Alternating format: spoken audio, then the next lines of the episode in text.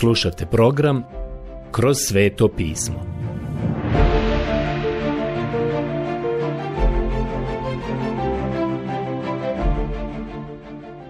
Knjiga Evanđelje po Ivanu.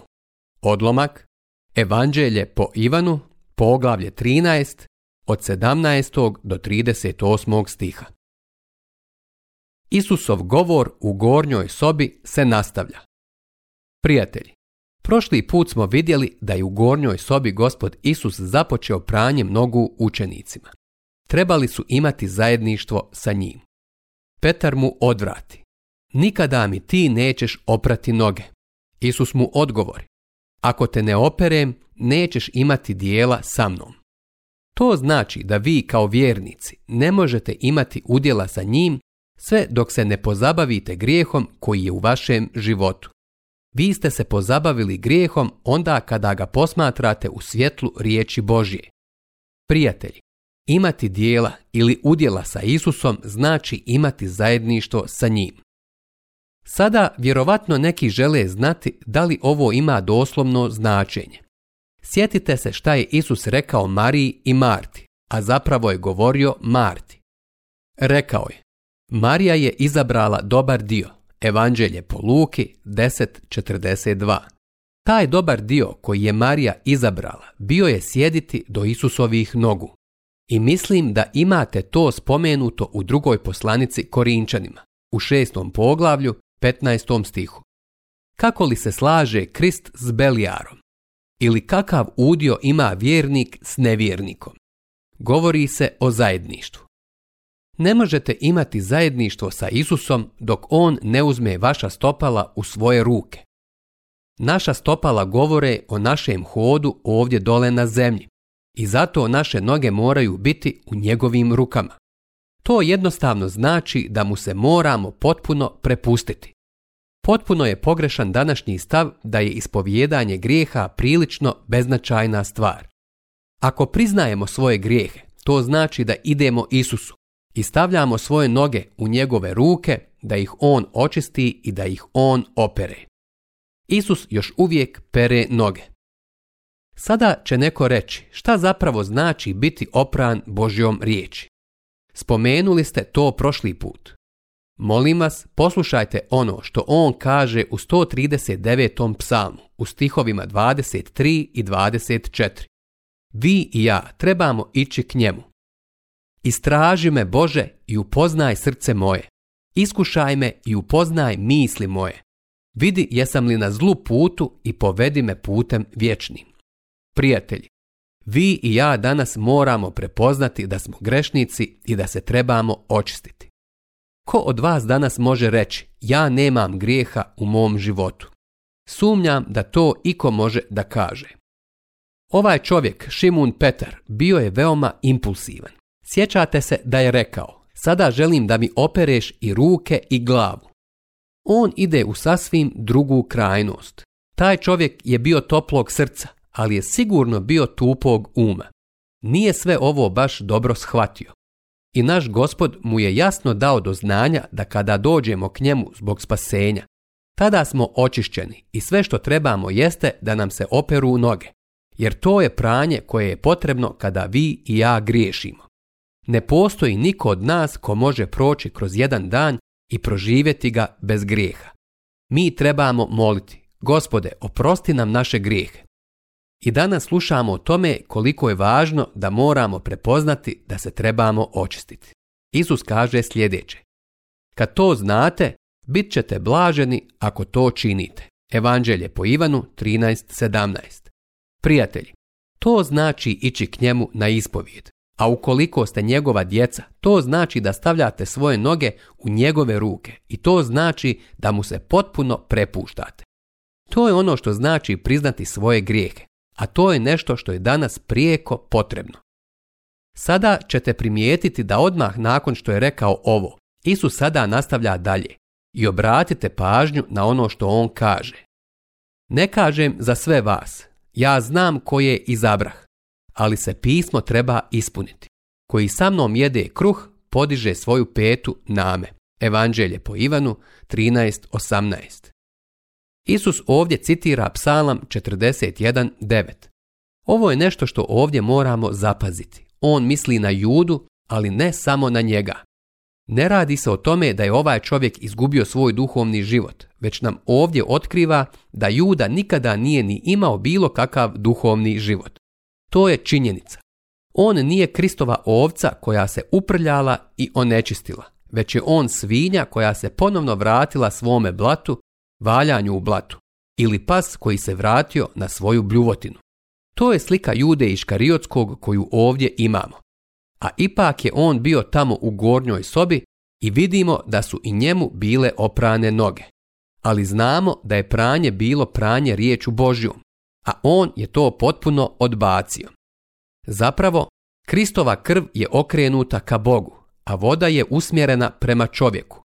Krv je za okajanje naših grijeha, a voda je za naše moralno pročišćenje. I ta dragocjena krv, čuli ste da je ovo danas rečeno, ta krv je nanesena na moje srce. Prijatelji, to se ne odnosi na vaše srce. Moja krivica je poništena. Eto, to se dogodilo. Isplatio je taj užasni crni račun umjesto mene. To me dovelo u potpuno novi položaj pred Bogom. Izbrisao je moje prestupe i grijehe i prema tome oni danas ne svjedoče protiv mene.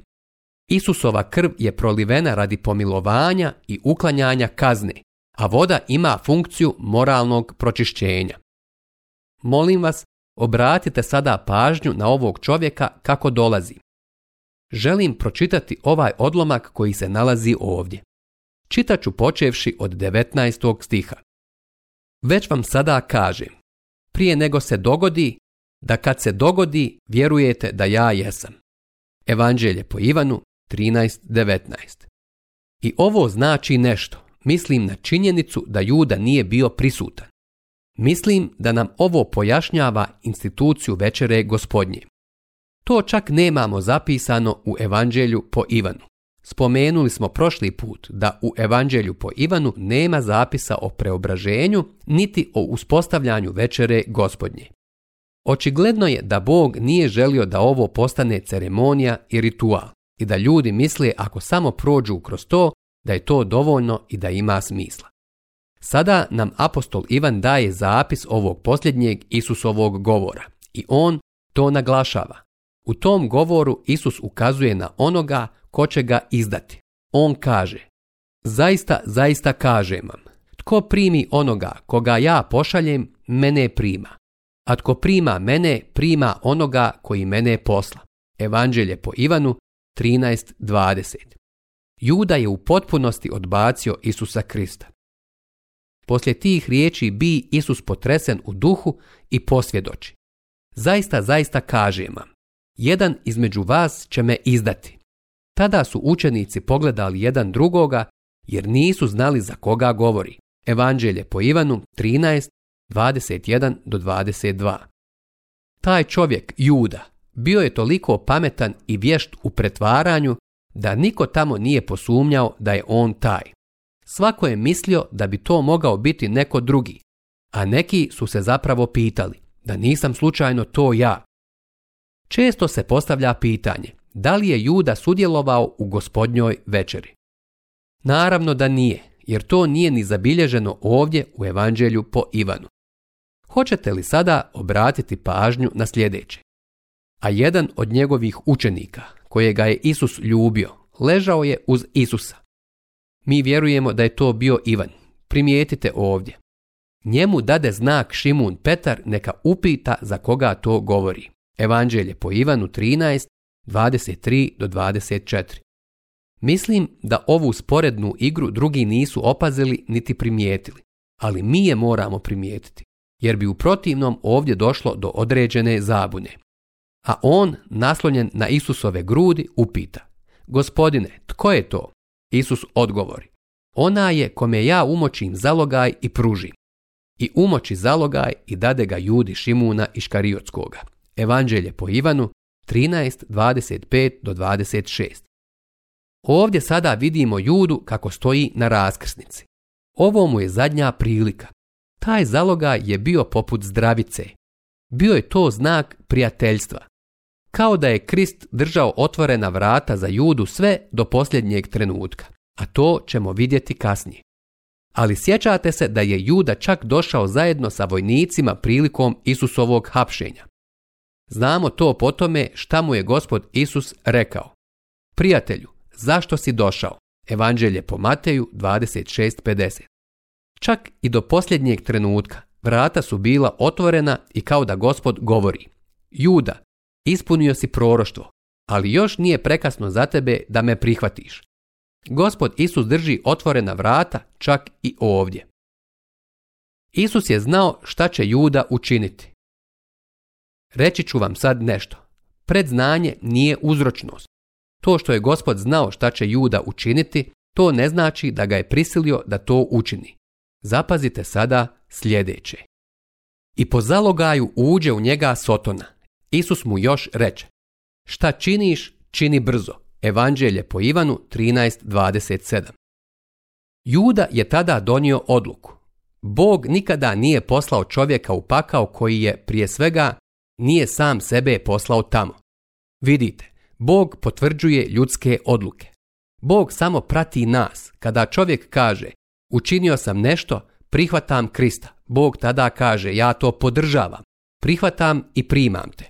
Kada čovjek kaže, odbacujem Krista, kao što je ovaj čovjek učinio, Bog tada kaže, ja prihvatam tvoju odluku i volju. Tako stvari funkcionišu.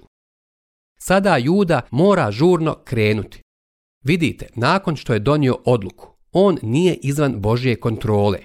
On je i dalje u poziciji da mora sarađivati sa Bogom, nakon što je donio ovu odluku. Drugim riječima, čak ni vjerski poglavari nisu htjeli uhapsiti i razapeti Isusa tokom praznika. Htjeli su pričekati dok se sve ne završi i ne bude gotovo.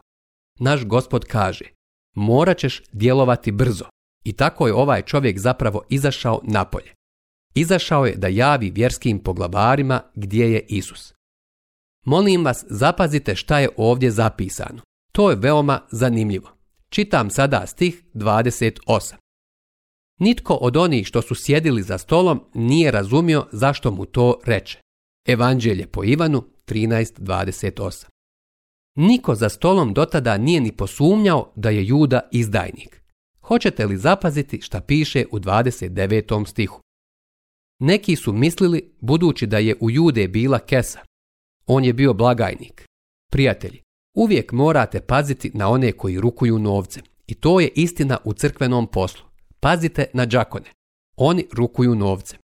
Da mu Isus reče, kupi što nam treba za blagdan ili da dade što siromasima. Evanđelje po Ivanu 13.29 Znate, oni su radili takve stvari u prazničnom periodu u vrijeme pashe. Kad je on uzeo zalogaj, odmah izađe. I primijetite, bila je noć, evanđelje po imanu 13.30. Prijatelji, bila je vječna noć za judu. Bio je to đavolji dan, a đavolji dan je egipatska tama za svakog čovjeka. To je razlog zašto moraju imati toliko svjetla na Brodveju i na Hollywoodskom bulevaru, jer na đavolovom putu vam je potrebno osvjetljenje. Prijatelji, to je zato što je mračno. Ovaj čovjek Juda je izašao u vječnu noć. Molim vas obratite pažnju i zapazite da je ovdje sada nešto drugo, jedan novi odjeljak. Juda je otišao i naš gospod sada počinje govoriti ostalima. A već u tom trenutku grije kuca na vrata te gornje sobe, tražeći svoje. Sjena križa već je pala na tu malu grupu u gornjoj sobi i oni su uplašeni. Sada naš gospod pokušava podići i ohrabriti te ljude. Podići ih iz nizine na visinu, iz ovoga što je trenutno u onostrano, iz materijalnog u vječno, iz onoga što je svjetovno u ono što je duhovno. I dok to čini, vidjet ćemo da su ga prekinuli, a to vodi direktno u 14. poglavlje. Zapravo, mislim da 14. poglavlje počinje upravo ovdje. Molim vas, zapazite sada šta piše u 31. i 32. stihu. Kad je on izašao, reče Isus, sad je proslavljen sin čovječi i Bog je proslavljen u njemu. Ako je Bog proslavljen u njemu, i Bog će njega proslaviti u sebi i odmah će ga proslaviti. Evanđelje po Ivanu 1331 do 32. Vidite, gospod Isus sada prelazi u duhovnu sferu sin čovječiji će biti proslavljen, a Krist je bio proslavljen prijatelji svojom smrću i uskrsnućem. Moramo to prepoznati. Ako je Bog proslavljen u njemu, i Bog će njega proslaviti u sebi i odmah će ga proslaviti. Isus im se sada obraća i naziva ih dječice. Poslušajmo šta kaže. Dječice, još sam malo s vama. Tražit ćete me, ali kako već rekoh židovima, kamo ja idem, vi ne možete doći. To isto govorim sada i vama. Evanđelje po Ivanu 13.33 Isus im govori i obraća im se kao maloj djeci. On kaže, ostavit ću vas, ali sada kada vas ostavim, ostavit ću vam i novu zapovjed. Novu vam zapovjed dajem. Ljubite jedni druge. Kao što sam ja ljubio vas, tako i vi ljubite jedni druge. Evanđelje po Ivanu 13.34 Nažalost, danas imamo neke ljude koji zapravo misle da je Isus mislio sljedeće. Po tome će svi ljudi znati da ste moji učenici, ako ste utemeljeni u vjeri. Prijatelji, ja vjerujem da treba biti utemeljen u vjeri. Vjerujem u nepogrešivost riječi Božje. Vjerujem u potpuno nadahnuće svetoga pisma. Vjerujem u božanstvo Isusa Krista.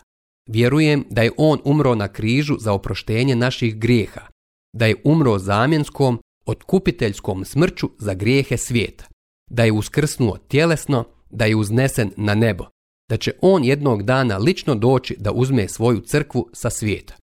Ali želim vam reći sljedeće i želim to reći vrlo pažljivo. Vjerovanje u ove stvari ne uvjerava nespašeni svijet. Ova današnja ideja da ukoliko smo fundamentalni u svome vjerovanju, i ukoliko vjerujemo u nebeske stvari, možemo ovdje dole živjeti kako god želimo, čak i poput samog đavola. Imamo i neke ljude u crkvi koji su zli. O, baš su zli. Ogovaraju, puni su mržnje i imaju zlo u svojim srcima. Prijatelji, mogu li vam reći nešto? To je razlog zašto su ljudi prestali dolaziti u crkvu. To je razlog zašto danas mi pokušavamo ići za njima i reći im da ti ljudi koji se tako ponašaju zapravo nisu vjernici. Ja mislim da nisu. Pitao sam pastore širom ove zemlje šta oni misle koji procenat članova njihove crkve je spažen. Ono što čujem od njih jeste od 25 do 75%. Ja bih rekao da danas čak i u našim dobrim crkvama možete reći za samo 50% njih da su zaista spašeni. Ostali vjernici su lažni kao i novčanica od 3 dolara. Mogu vam reći sljedeće. Isus kaže da će otići, a njegova nova zapovjed glasi Ljubite jedni druge, kao što sam ja ljubio vas. Tako i vi ljubite jedni druge. I još kaže Potom će svi spoznati da ste moji učenici, ako ljubite jedni druge. Evanđelje po Ivanu 13.35 Sjećate se da je Tertulijan, jedan od ranih crkvenih otaca, rekao da je rimska vlast bila veoma uznemirena zbog crkve. Broj vjernika je rastao veoma brzo i rapidno i oni nisu htjeli uzeti ni prstohvat Tamjana i staviti ga pred sliku Cezara. Vlastodržci su osjećali da bi kršćani mogli biti nelojalni. I njihovi špijuni su dolazili na crkvene sastanke i bogosluženja i vraćali su se i donosili nazad izvještaje glasili bi otprilike ovako. Ti su kršćani vrlo čudni ljudi. Sastaju se zajedno u praznoj prostoriji kako bi se molili. Nemaju sliku. Govore o nekom po imenu Isus koji je odsutan, ali čini se da ga očekuju da se pojavi u svakom trenutku. I kako ga samo vole i kako se međusobno vole. Prijatelji, ako iduće nedjelje dođu neki špijuni da vide je li kršćanstvo istinito i dođu u vašu crkvu, kakav bi bio njihov izvještaj? Da li bi se oni vratili i rekli, kako se samo ti kršćani vole?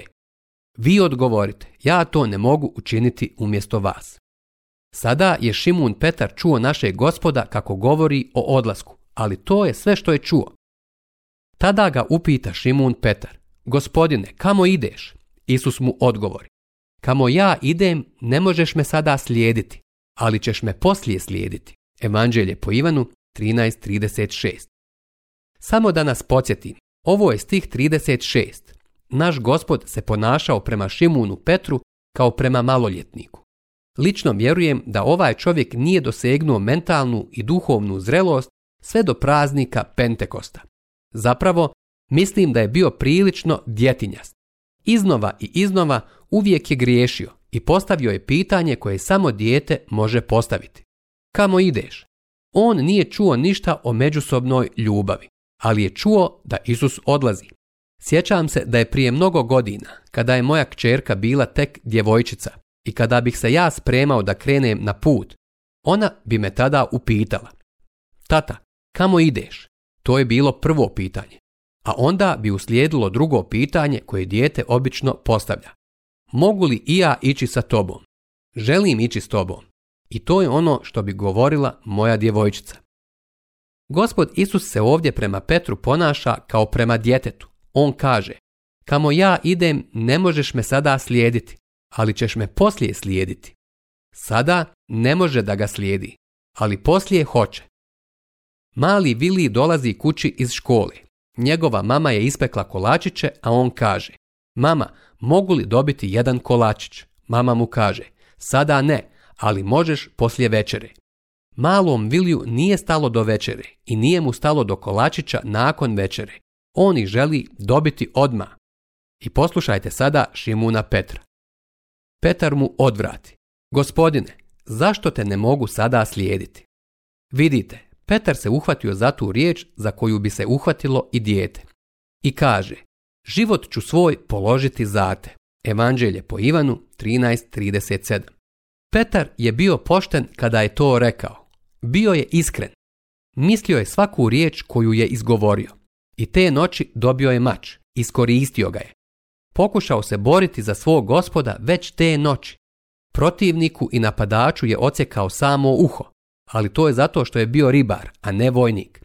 Stvarno je krenuo ka vratu tog momka, ali ocjekao je samo njegovo uho ali bio je iskren kada je rekao Isusu da je spreman položiti svoj život za njega. A naš gospod mu je rekao strašnu stvar, da će ga se te noći odreći. Isus mu odvrati. Život li ćeš svoj položiti za me? Zaista, zaista kažem ti, još prije nego pijetao zapjeva, triput ćeš me zatajiti. Evanđelje po Ivanu 17.38 Prijatelji, a onda je Isus nastavio govoriti druge ohrabrujuće stvari u 14. poglavlju Evanđelja po Ivanu, ali to ćemo morati ostaviti za sljedeći put.